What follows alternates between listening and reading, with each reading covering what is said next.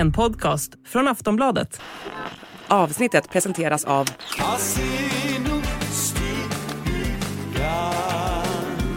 Stödlinjen.se, åldersgräns 18 år. Mannen som planerade att mörda drottning Elizabeth har nu fått sin dom. Och vi ska även prata om kung Charles dilemma. Ska han förlåta Harry och Meghan? Och om han gör det, är det ett strategiskt beslut? Vi pratar även om Märta Louise fruktansvärda trauma och shamanen Derek Verrett som desperat söker efter en organdonator. Och nu, nu är det dags för prinsessan Estelle att gå på galamiddag. Det här är Kungligt. Jag heter Sara Eriksson. Och jag heter Jenny Alexandersson.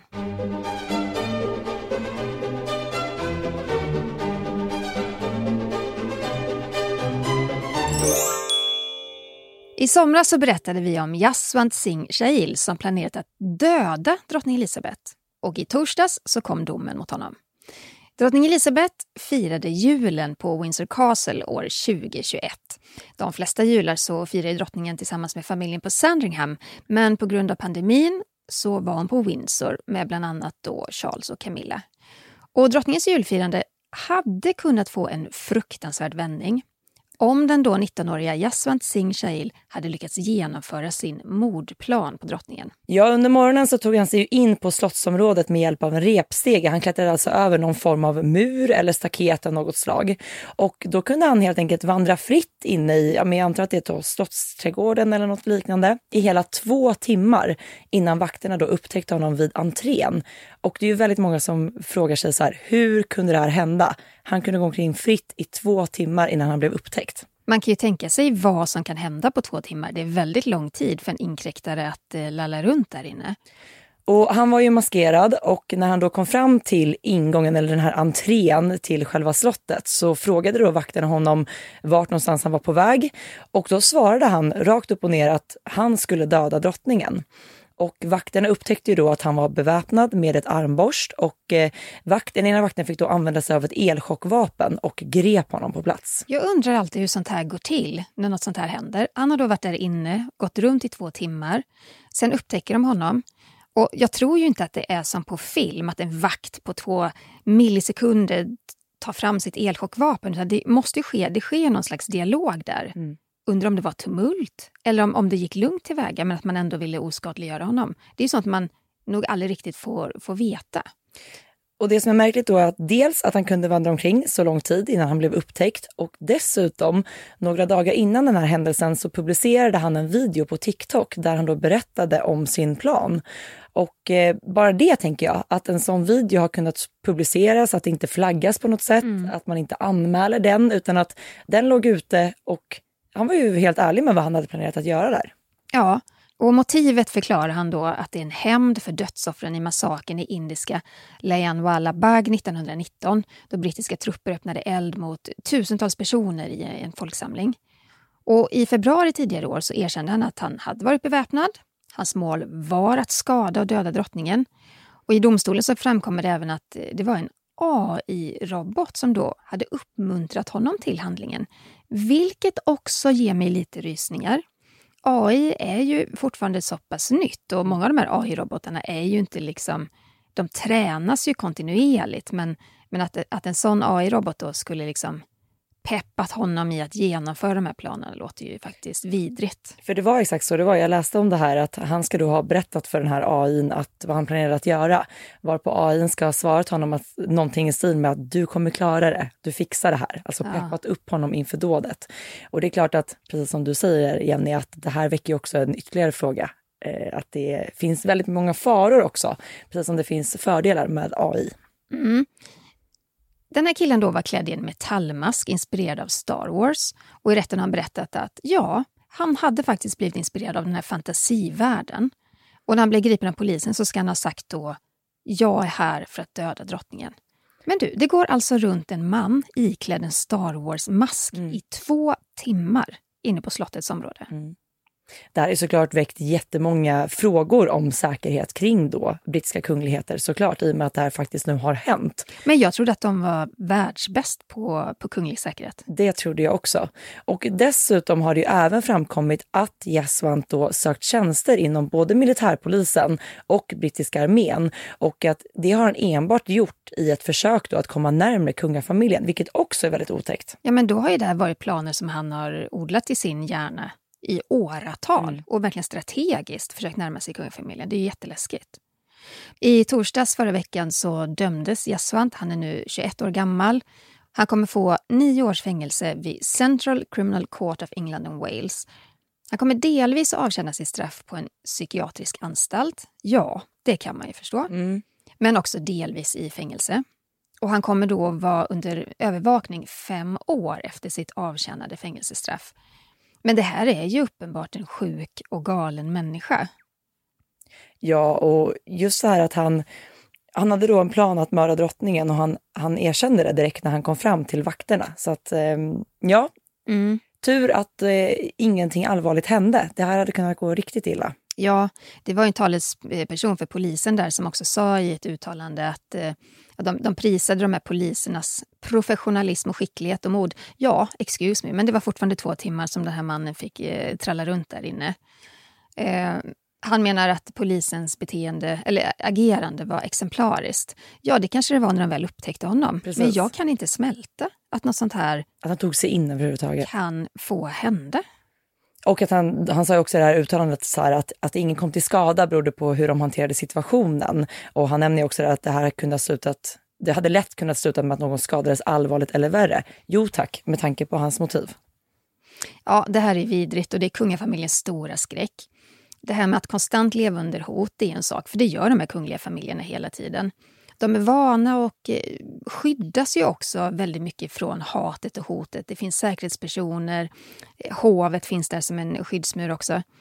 Men just det här att det är ett direkt dödshot, att det finns tydliga planer för att ta livet av en kunglighet, det är ju någonting helt annat. Och jag tänker på holländska prinsessan Katarina Amalia som faktiskt tvingades avbryta sina studier i Amsterdam. För hon hade ju då hotats av, kommer du ihåg det Sara? Mm. Det var mm. kidnappning. Jag tror också att de dödshotade henne. Och det var den här knarkmaffian i landet som gjorde det. Så att hon fick ju bara... Hon skjutsades hem direkt. Och det där är någonting som har påverkat hela hennes familj såklart jättemycket. Visst var det så när eh, mamma och pappa då, kung Wilhelm Alexander och drottning Maxima var här i Sverige så fick de ju frågan just om det här och pratade om det. Man ser att de såklart var djupt berörda av den här händelsen. Mm.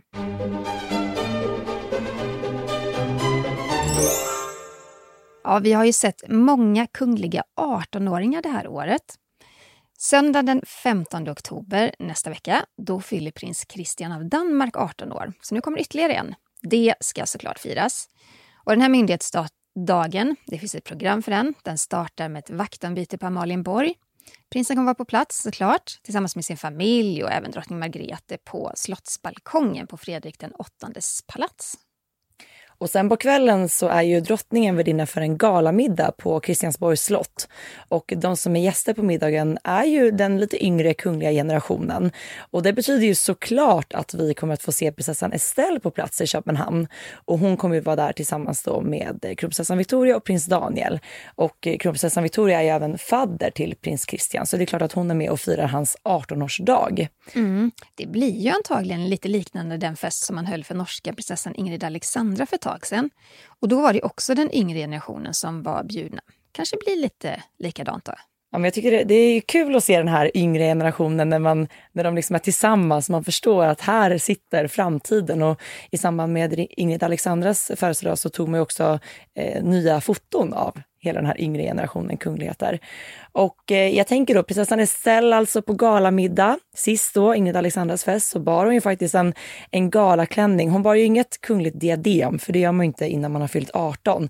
Men hon bar ju mer ett sånt diadem som vi vanliga kanske bär, mer ett hårbandsaktigt med lite strassstenar på. Så att vi kanske kommer se något liknande på söndag.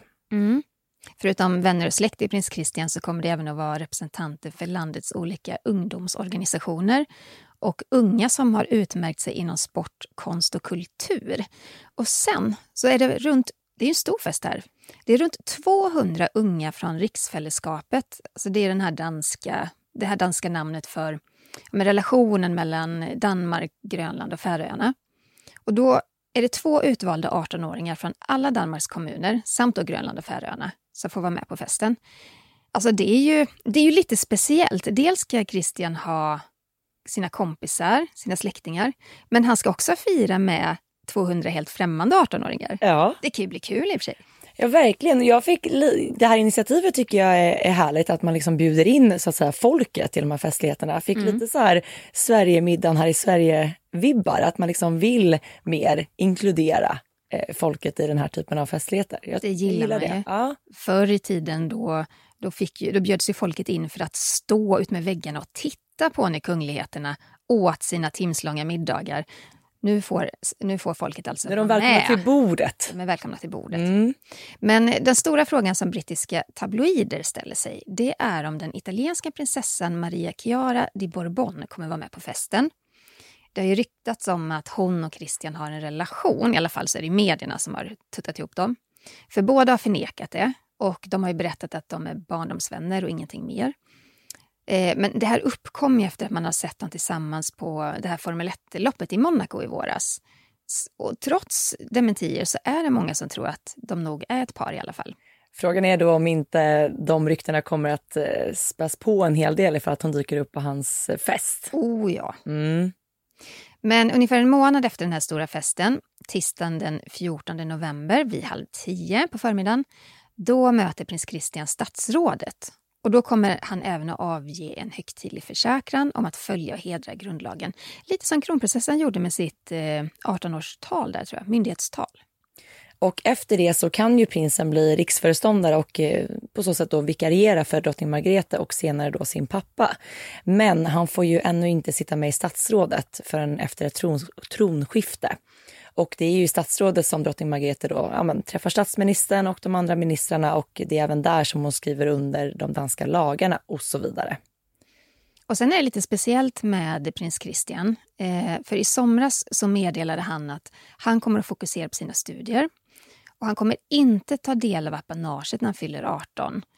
Han har ju rätt till det då, men han, han kommer skjuta upp det till den dag han fyller 21. Eh, och det är först då han kommer fokusera mer på de kungliga uppdragen. Och så här gjorde ju faktiskt holländska Katarina Amalia också. Kommer du ihåg det? Mm. Men det är nog klokt så att de kan liksom fullfölja sina studier och inte känna den här... För jag menar, den dagen de får ta del av ett apanage så kommer också ett helt annat krav att ställas på dem. Vad som förväntas av dem som kungligheter. Så det här är nog ett bra sätt att ge dem lite tid att växa in i rollen och även då inte ha riktigt de, de där ögonen på sig ännu. Mm. Och i Danmark så kommer man också visa tv-programmet Prins Christian, en kunglig resa. Där prinsen bland annat besökt Folketinget, kyrkan och försvaret tillsammans med sin pappa. Och det är faktiskt så att prinsen har varit med och läst in kommentarer eh, till programmet. Och det var någonting på kungahusets sociala medier. Man såg att han stod vid en mikrofon och skulle då spika eh, programmet och lägga sin röst då på de här bilderna. Såg nästan ut som att han var i en poddstudio som, som vi sitter i nu. Mm. Mm. Det, ska bli, det ska bli kul att se den här, eh, det här tv-programmet tycker jag.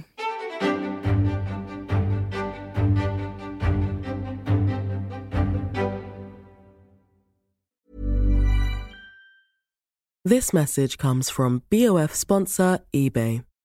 You'll know real when you get it. It'll say eBay Authenticity Guarantee. And you'll feel it. Maybe it's a head turning handbag, a watch that says it all, jewelry that makes you look like the gem, or sneakers and streetwear so fresh every step feels fly. eBay gets it. So look for the blue check mark next to that thing you love and be confident that every inch, stitch, sole, and logo is checked by experts. With eBay Authenticity Guarantee, you can trust that feeling of real is always in reach. Ensure your next purchase is the real deal. Visit ebay.com for terms. 2023 var ett år med många kungliga, riktigt lyxiga bröllop, bland annat i Jordanien och i Luxemburg. Men frågan är om inte 2024 blir året då vi får se ett riktigt överlyxigt superbröllop. För då ska nämligen sultanen av Bruneis son, prins Abdul Mateen, 32 år gammal, han är yngsta son till sultanen med sultanens före detta hustru Haya Miriam Abdulaziz. Eh, vi kan också säga det att sultanen av Brunei tillhör en av världens rikaste människor. Alltså hans förmögenhet är så monumental att vi kan räkna med ett pangbröllop. Och Abdul Mateen ska gifta sig med Anisha Isa Kalebik. Och det här Jenny, det är inget litet bröllop vi talar om.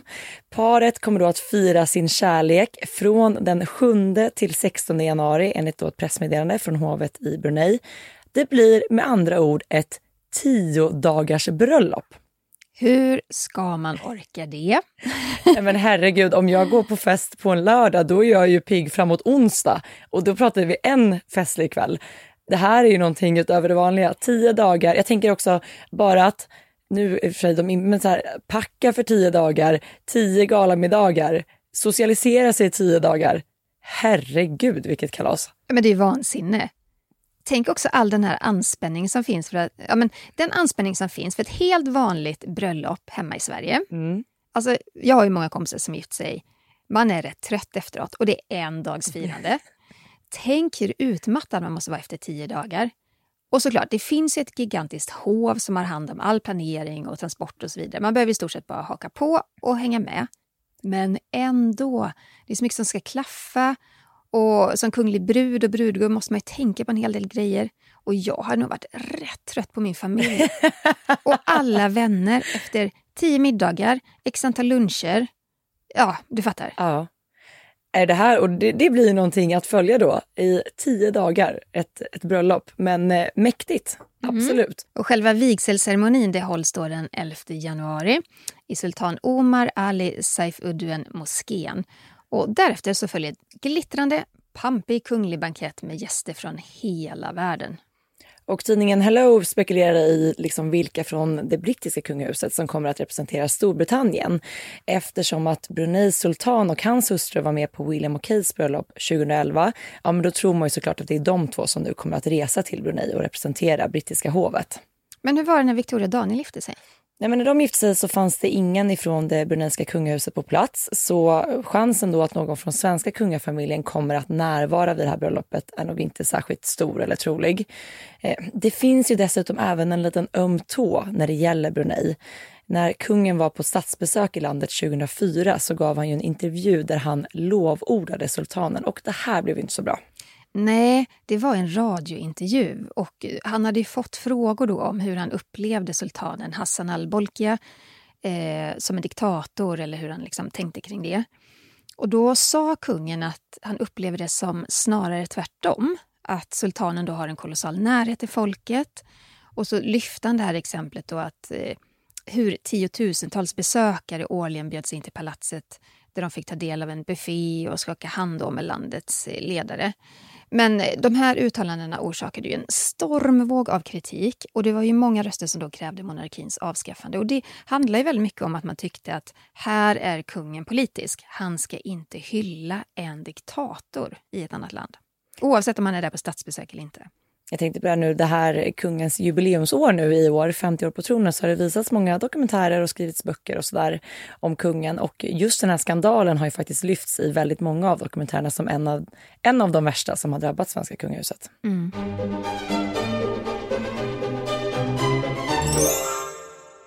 Och nu har vi kommit fram till veckans Harry och Meghan.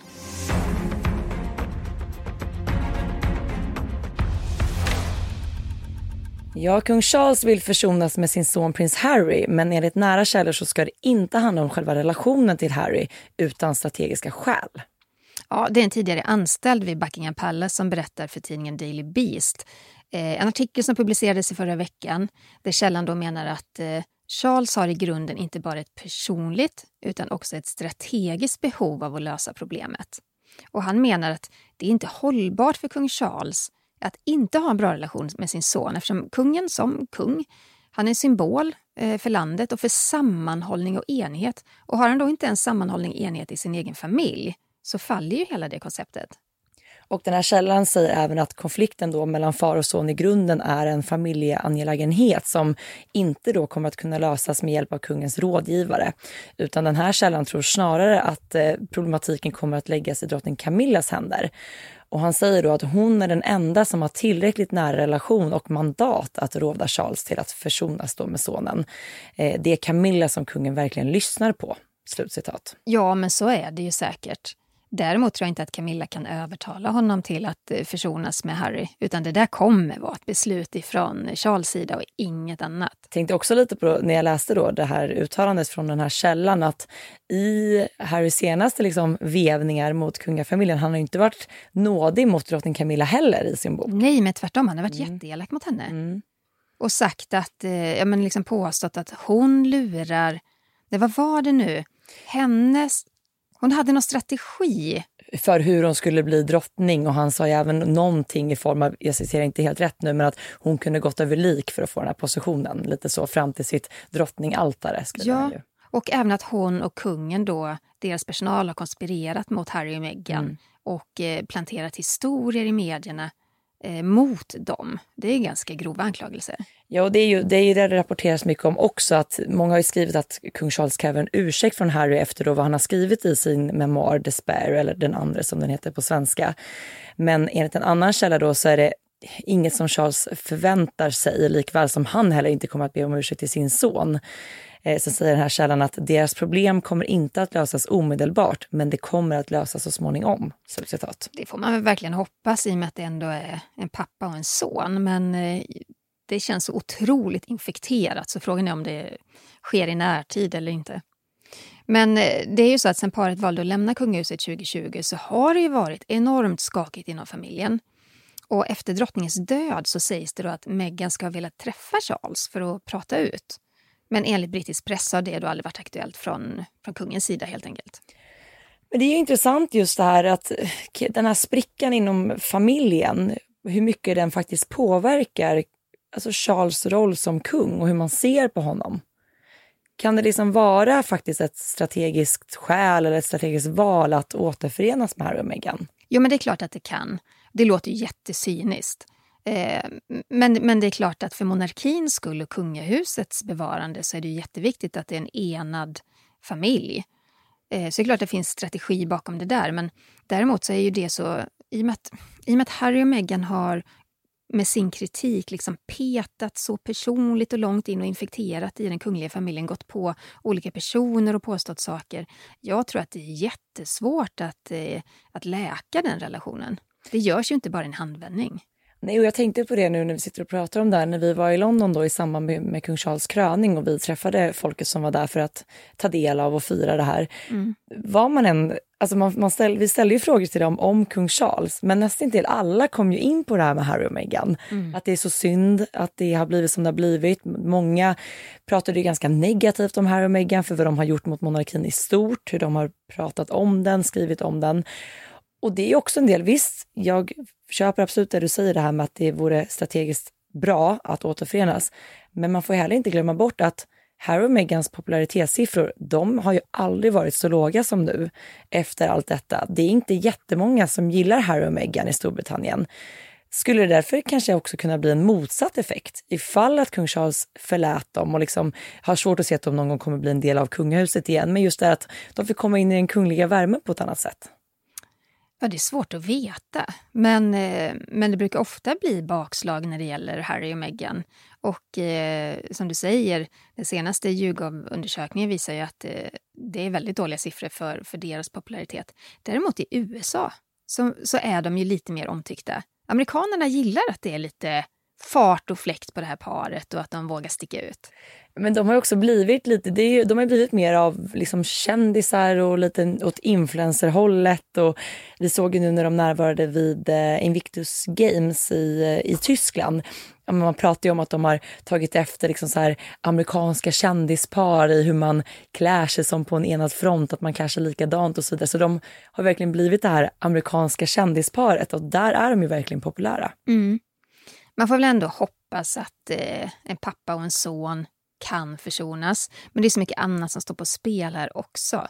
Ett helt statsskick, att man är så enormt beroende av folkets kärlek och respekt. Harry har ju faktiskt satt hela brittiska monarkin i gungning och frågan är om eller när man i så fall kan förlåta det och enas. Jag tror inte alla i familjen kommer förlåta Harry och Meghan. De har orsakat för stor skada. Ja, jag håller med och just så här, Charles och Harry känns ändå som de kanske skulle kunna hitta någon lösning. Kanske är det så att sprickan mellan eh, bröderna, Harry och William, är ännu större. Och jag menar om vi återkommer till eh, prins Harrys bok så har han ju verkligen pratat ganska, eller skrivit ganska så illa om både William och Kate och även i detalj berättat hur de har ja, men bråkat och slagits och allt däremellan. Så att den tror jag är svår att, att släppa och gå vidare ifrån.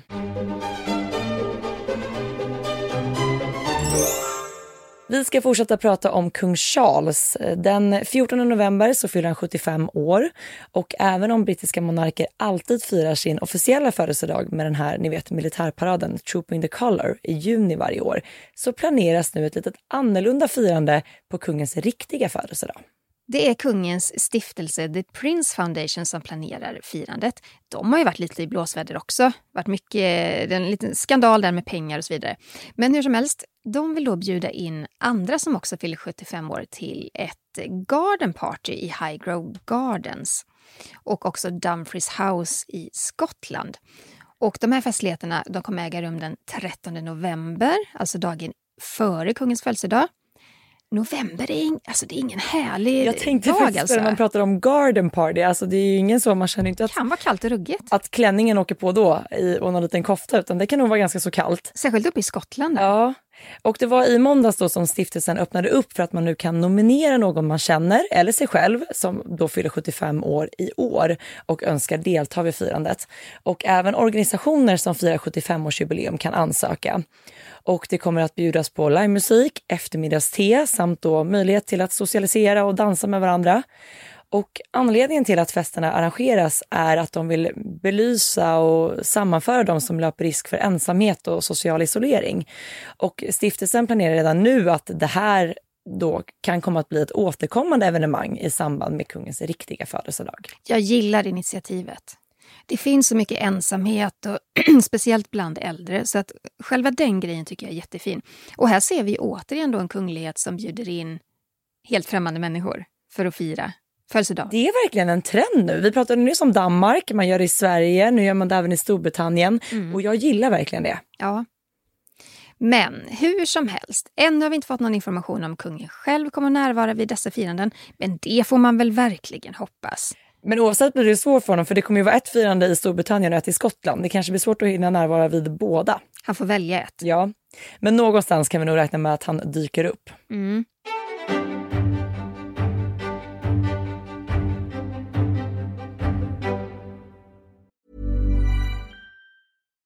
Millions of people have lost weight with personalized plans from Noom, like Evan, who can't stand salads and still lost 50 pounds. Salads, generally, for most people, are the easy button, right? For me, that wasn't an option. I never really was a salad guy. That's just not who I am. But Noom worked for me. Get your personalized plan today at Noom.com. Real Noom user compensated to provide their story. In four weeks, the typical Noom user can expect to lose one to two pounds per week. Individual results may vary. I måndag så meddelade Netflix att The Crown säsong 6 snart har premiär.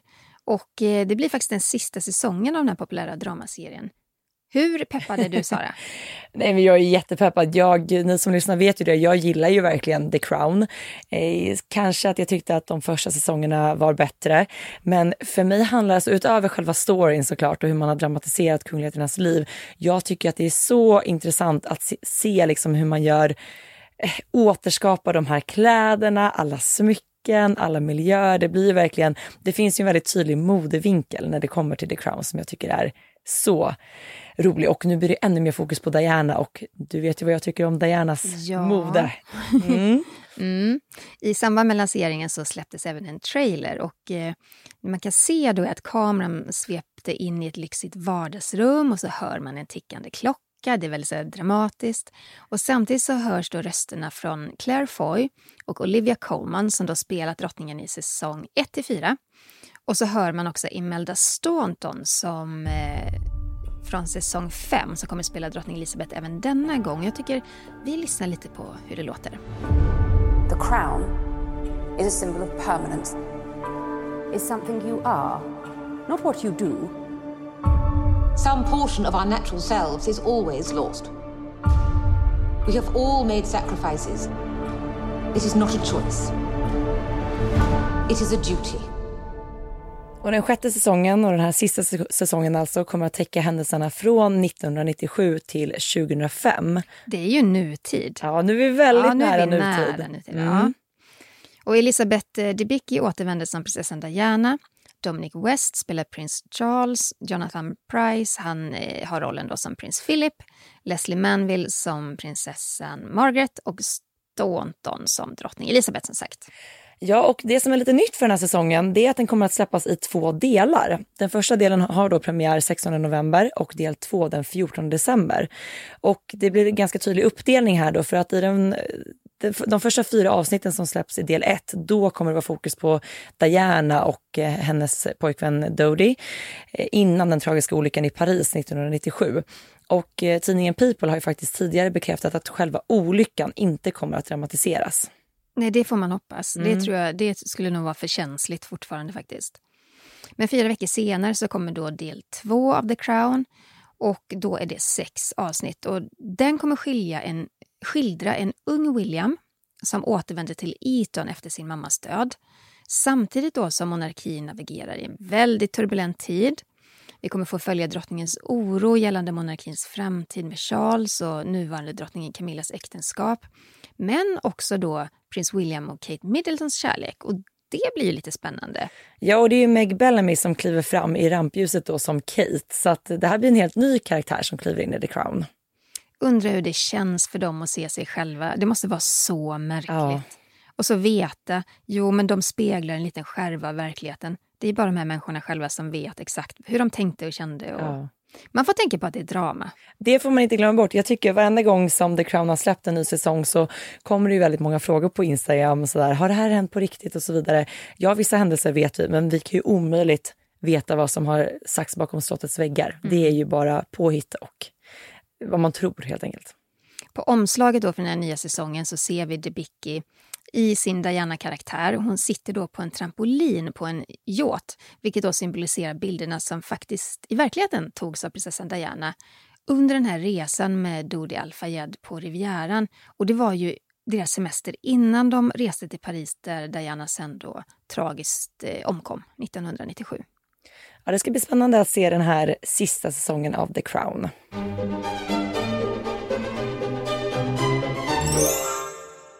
Vi måste prata lite om prins Carl Philip. Det är nämligen så att Carl Philip och hans designkollega Oskar Kilberg de har börjat designa produkter under sitt eget varumärke. Och deras företag heter ju Bernadotte och Kilberg. Tidigare har de skapat produkter till andra företag. Ja, men allt ifrån sängar, glas, serviser, glasögon, jackor. Eh, och sen var det väl förra året också som de arbetade tillsammans med ishotellet i Jukkasjärvi de inredde ju en svit där som mm. var ganska pampig under temat Midsummer Night's Dream. Och den här veckan så lanserade Carl Philip och Oscar tre textilprodukter. Och det här skedde då vid ett lanseringsevent på det här superexklusiva Soho House i Stockholm. Det, är ju, det finns ju över hela världen och är en form av medlemsklubb. Och de lanserade då en sidenscarf, en halsduk och en pläd. Men smakar det så kostar det. Den här scarfen då med företagets grafiska profil kostar 2500 kronor. Halsduken ligger på 2100 kronor och den här filten av kashmir och merinoull kostar hela 5200 kronor. Ja, när jag såg priserna så reagerade jag. Det är inte riktigt saker som vem som helst kan köpa, bara sådär. Men sen så snackar ju du och jag om det, Sara. Och du har ju lite mer inblick i den här modevärlden och priser kan man säga. ja men det är ju tydligt här alltså att duon har ju satsat på väldigt eh, exklusiva materialval. Det är ju väldigt dyrt med då, till exempel kashmir oavsett om det är prins Carl Philips namn på det eller inte. Det är ett, ett dyrt materialval och det gör ju också, precis som du är inne på, att de här produkterna blir ju otillgängliga för de flesta. Jag kan tycka att det hade varit kul att se en design, designlinje som hade varit lite mer lättillgänglig. Alltså för oss vanlisar, som man, att man kan faktiskt köpa en halsduk. Jag menar, även om det är fint material, det är inte jättemånga som har den möjligheten att slå till på en pläd för över 5000. Nej. Men eh, det kanske finns någon förklaring här ändå. För prinsen själv säger då att de här produkterna ska man kunna ha länge, en hel livstid. Och de ska då kunna gå i arv till nästa generation. Och det är väl bra också ur ett miljöperspektiv, tänker jag. Att det inte bara slit och släng. Eh, jag, jag, tror att det här är hans svar på de här höga priserna. Kanske att de också kände på sig att det skulle bli något slags samtal kring priser. Mm. Men han säger bland annat så här. Vi har arbetat mycket med textil och vi gillar det. Därför var det naturligt att landa i textilprodukter till vår första kollektion i vårt nya varumärke. Det är personliga produkter som kan älskas under lång tid och gå i arv. Designmässigt är kollektionen helt sprungen ur vårt DNA och det kommer även att återspeglas i andra typer av produkter i kommande kollektioner där vi lanserar fler produkter för hemmet. Och det där argumentet om liksom att det håller länge, det köper jag faktiskt. Eh, jag äger själv två tröjor i kashmir som är liksom helt i kashmir. Jag har haft dem i snart fem år. Använder dem hur mycket som helst. Tvättar dem, används och de ser fortfarande helt nya ut. Så visst att de här produkterna Eh, om man tar hand om dem kommer de kunna gå i arv och ha en väldigt lång livslängd. Men jag tänkte också, jag hade inte vågat ha till exempel en så dyr halsduk. Det är ju så himla lätt att man tappar bort den, man tappar den på marken, den blir smutsig och så vidare. Men det är ju, jag, jag, tänker att de här produkterna är gjorda för ett visst klientel. De är inte gjorda för en småbarnsmamma som mig. Som så här, det, en halsduk kan hamna på marken i leran. Liksom så här. Nej, men det här är ju, det här är ju liksom saker för en annan typ av kund. Jag tycker också det låter som när de presenterade den här linjen att det, vi kan nog förvänta oss kanske fler släpp inom det här modesegmentet. Mm. Det är spännande. Spännande. Nu ska vi gå över till Norge och prata om prinsessan Märta Louise. Hon är ju verkligen i ropet just nu. Dels för att hon blivit entreprenör. Hon syns ju faktiskt, faktiskt överallt, om man, alltså i kungliga sociala mediekretsar i alla fall. Hon har ett företag som heter Häst och det designar då kläder. Men hon är också i ropet för att hennes fästman, shamanen Dark Verrett, alltid skapar rubriker. Inte minst nu senast då paret meddelade på Instagram att nu har de bestämt datum för sitt bröllop. De gifter sig i augusti nästa år och de har även köpt ett hus utanför Oslo som ska bli deras fasta punkt i Norge. Och jag kom över en intervju i tidningen Ladies Drive. Det var en kollega till mig som varit ute och rest på, med jobbet eh, och jag tror hon hittade den i Schweiz. Och då berättar Märta jättemycket om sorgen och det traumat efter att hennes exman Ari Ben tog sitt liv på juldagen 2019.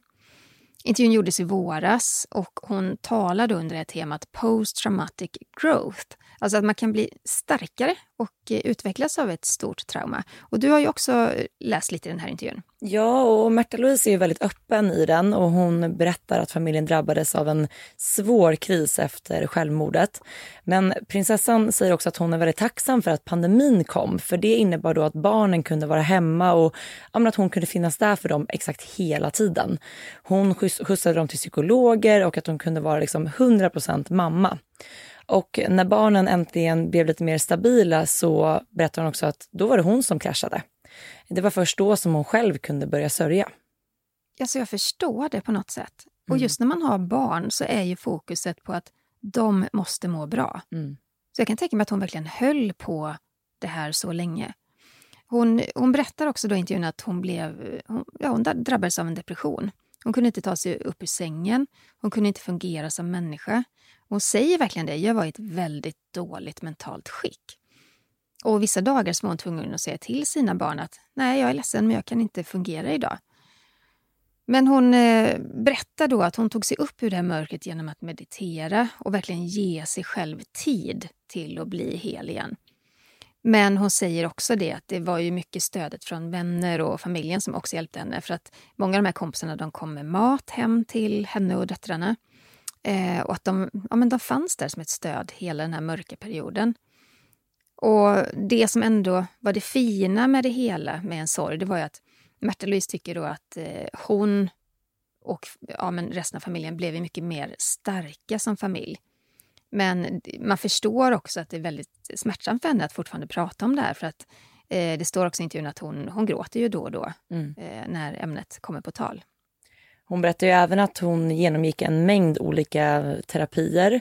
Men det som var bäst för henne var att umgås med sina hästar. Och det här är någonting som faktiskt prinsessan har återkommit till många gånger under sitt liv. Att det har alltid varit i stallet och hos hästarna som hon har hittat sig själv och blivit trygg och, och stabil igen. Mm. Eh, och så även den här gången.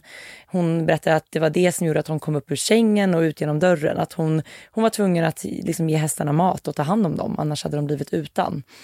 Och hon säger också att att gå igenom en sorg är som att springa ett maraton och menar då på att det tar så mycket energi och att man blir helt utmattad. Mm. Och, och i samma intervju så pratar ju Märta Louise väldigt fint om sina döttrar. Hon är ju väldigt stolt över dem när det kommer till den här post traumatic growth och berättar ja, men, om dem då tur, tur i ordning liksom, i intervjun. Varje, varje tjej här. Mm. Hon börjar med äldsta dottern Maud eh, och säger då att hon hittar någon slags styrka i sorgen. Och hon hade sagt till sin mamma rätt tidigt där att hon vill hålla ett tal vid Aris begravning.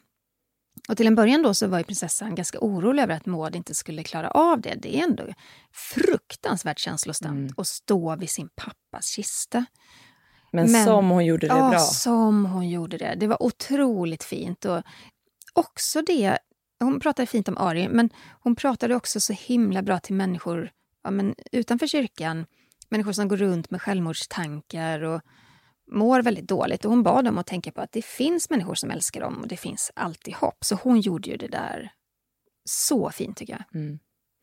Och Märta berättar ju faktiskt det att det i intervjun att det är väldigt många, de har fått många brev och meddelanden i efterhand från människor som då säger att ja, men det här talet som Maud höll hindrade dem från att ta sina liv. Och det är ju, måste ju kännas otroligt för mm. Maud, att så här, hennes mod att ställa sig där och tala har hjälpt andra människor. Det är väldigt fint. Och eh, Maud är ju idag författare och konstnär och Märta Louise berättar att eh, Maud har blivit mycket mer tydlig och modig med sin konst och att pengarna som kommer in ifrån försäljningen av konsten, de skänker hon då till organisationer som jobbar med mental ohälsa i Norge. Mm, och sen så tar hon upp då mellandottern Lea och hur framgångsrik Lea har blivit som skönhetsinfluencer. Hon har ju vunnit eh, fler priser för sitt arbete med sociala medier. Och Märta Louise säger då att Lea har också blivit modell och det är något som den mellantjejen då har drömt om sedan hon var liten. Men, och lägger till då att ja, men Lea är självständig och modig. Och yngsta dottern Emma, hon har gått lite i mammas fotspår när det kommer till det här med hästar. För att eh, hon är ju en framgångsrik ryttare inom hästhoppning. Och Märta berättar att hon har varit med i EM två gånger och även vunnit silvermedalj i Nordiska mästerskapen. Och eh, så säger hon då citat att alla tre har använt sig av traumat för att bli starkare. Slutcitat.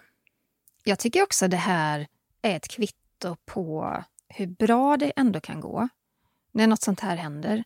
Att det finns ett skyddsnät i familjen. Jag menar, kungafamiljen, kungafamiljer överlag har ju väldigt stark sammanhållning. Det är bara de som vet eh, hur det är att vara mm. kunglig. Men det visar sig nog också i såna här krissituationer att eh, den där styrkan är otroligt positiv. Det kan gå fel också. Det kan gå fruktansvärt fel. Men ett budskap som prinsessa Märta Louise vill få fram i intervjun det är att det inte är någons fel att en människa tar sitt liv. Och hon pratar ju även om att man som människa måste kunna få kunna känna alla känslor, kärlek och lycka likväl som bitterhet och skam. Och hon menar ju att framförallt kvinnor förtränger väldigt mycket känslor och eh, att man ska fundera över vad i ens barndom det är som gör att man inte tycker att man ska få känna skam över vissa grejer. Det är också ett tydligt budskap i den här intervjun. Mm. Men hon gav ju också bra exempel tycker jag på sina egna känslor. Eh, och hon berättade att när hon var liten då fostrades hon till att vara snäll och artig och alltid uppträda korrekt i alla situationer. Och det på något sätt kan man förstå, det är en del av den kungliga rollen. Men det kanske inte alltid är sunt för ett barn hela tiden. Eh, hon tryckte då ner känslor av ilska, för hon var rädd att om hon visade att hon var arg oavsett situation så skulle ingen kunna älska henne längre, för då skulle alla tycka att hon var för mycket. Och det gjorde då att hon vågade inte säga vad hon tyckte och tänkte. Ja, det höll henne tillbaka helt enkelt. Jag tycker också att en, en, annan spännande del i den här intervjun det är att hon får ju frågan om hur hon ser på medierna idag jämfört med tidigare. Hon har varit väldigt kritisk till oh, ja. media och press och är fortfarande det. Men hon svarar då att hon inte har ändrat sin syn på dem för hon tycker att medierna alltid har varit kritisk mot henne då. Hon berättar att hon eh, fick upp ögonen för rasism när hon träffade shamanen Derek Verrett och hon säger att hon var eh, omedveten om de här små rasistiska vardagshändelserna som påverkar människor varje dag. Ja, men hon är ju stenhård. Hon säger att medierna har slitit Derek i stycken. Och att allt kritiskt då som medierna har skrivit finns nu även på hans Wikipedia-sida, för den fångar ju upp det. Och att shamanen då har tappat otroligt mycket affärsmöjligheter på grund av medierna. För när de träffades så hade ju då Derek en blomstrande business, säger Märta. Och så hävdar hon nu att eh, det har han inte längre. Det här är också lite problematiskt tycker jag. Vi har pratat om det innan. Och jag säger så här, jag tycker att just det här med rasismen, eh, jag tror att han har fått lida otroligt mycket på grund av det. Jag tror att han, eh, och inte bara i Norge, utan det, det finns ju runt honom konstant. Men en grej som jag reagerar på det är att oavsett hudfärg, vem Märta än hade valt att förlova sig och gifta sig med, hade den personen agerat som eh, Derek Verrett och sålt de här produkterna och hävdat att de hjälper mot sjukdom och det ena med det andra, då hade medierna skrivit om det i alla fall. Då, det spelar ingen roll vilken hudfärg den här personen hade haft, utan om någon utger sig för eh, att vara shaman eller någonting annat och prånglat på ja, men kanske utsatta människor, människor med, med svår sjukdom, att köpa produkter. Jag lovar, det hade blivit rubriker oavsett. Jo, det har ju också bidragit till just det här att ja, men dels shamanens produkter i sig, men också att Märta Louise och shamanerna har haft en del grejer ihop tillsammans. Den här eh, turnén de gjorde till exempel. Det har ju också bidragit till att Märta Louise har behövt eh, ja, men avsäga sig sina kungliga uppdrag och inte längre vara en arbetande kunglighet på det sättet.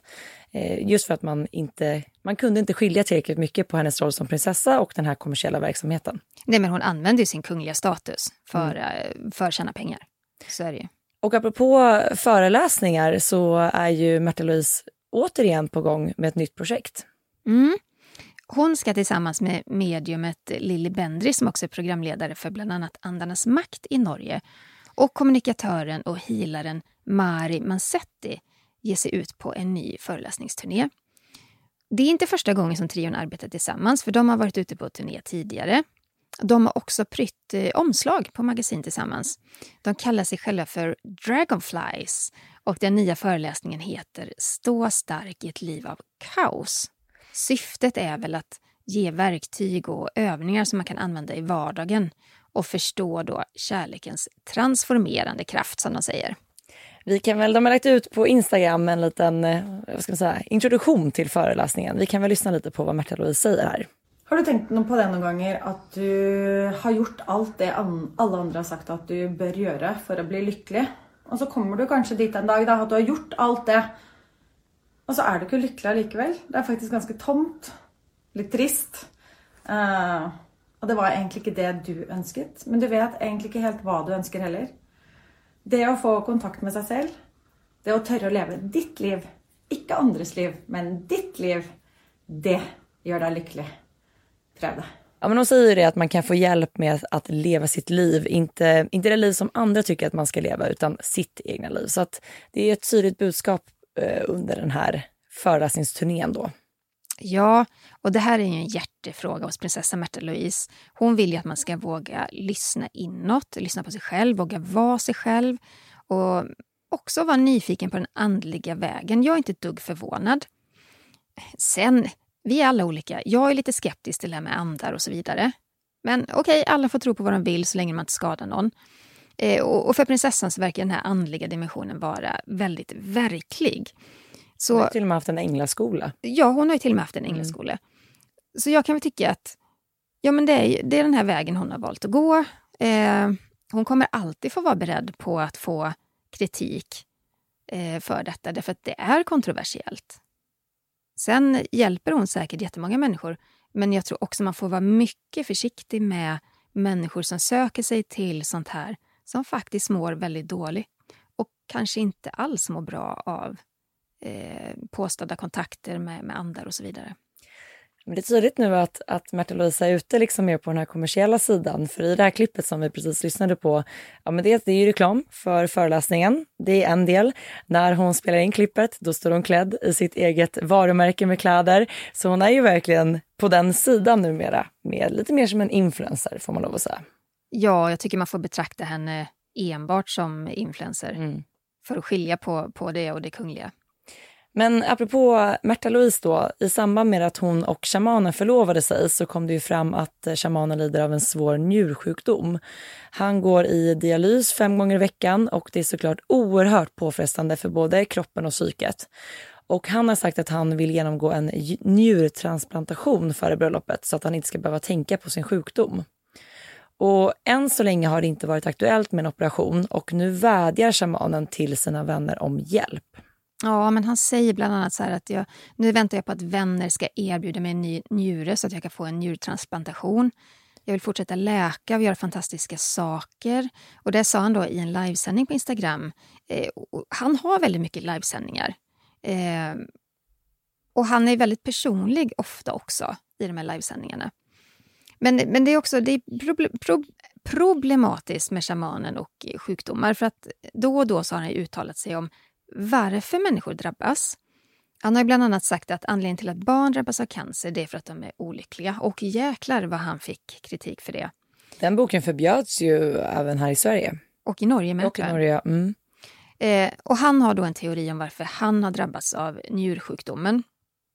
Och han menar då att det är hans shamanistiska verksamhet som för med sig mörka energier som gör då att hans njurar kollapsar. Och jag tror det var norska Se Hör som, som skrev det här från, från början. Ja, eller ja, så får man ju tro om man vill. Ursäkta, ni hör säkert att jag är väldigt skeptisk på rösten.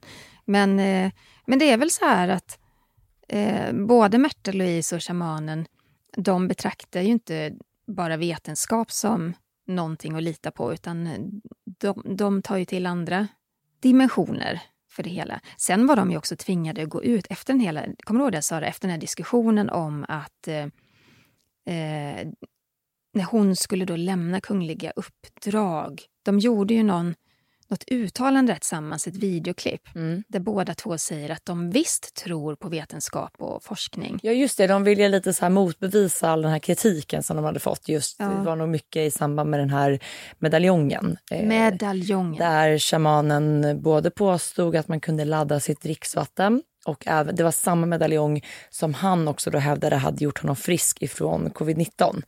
Så att, och då gick de ut lite så i samband med det här när de fick tillfälle i, i media, så att de visst tror på vetenskap, för det är det de har blivit så himla kritiserade för. Ja.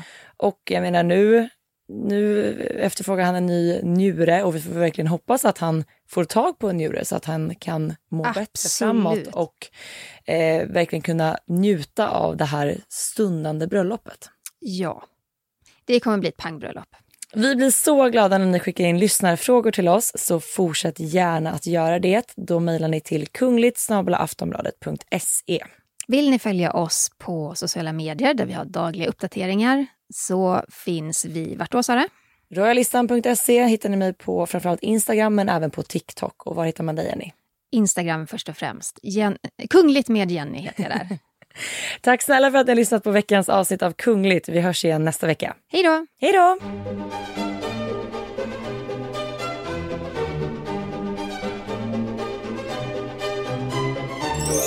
Du har lyssnat på en podcast från Aftonbladet. Ansvarig utgivare är Lena K Samuelsson. This message comes from BOF sponsor Ebay. You'll know real when you get it. It'll say eBay Authenticity Guarantee. And you'll feel it. Maybe it's a head turning handbag, a watch that says it all, jewelry that makes you look like the gem, or sneakers and streetwear so fresh every step feels fly. eBay gets it.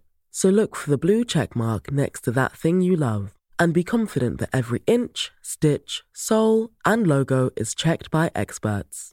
With eBay Authenticity Guarantee, you can trust that feeling of real is always in reach. Ensure your next purchase is the real deal. Visit eBay.com for terms.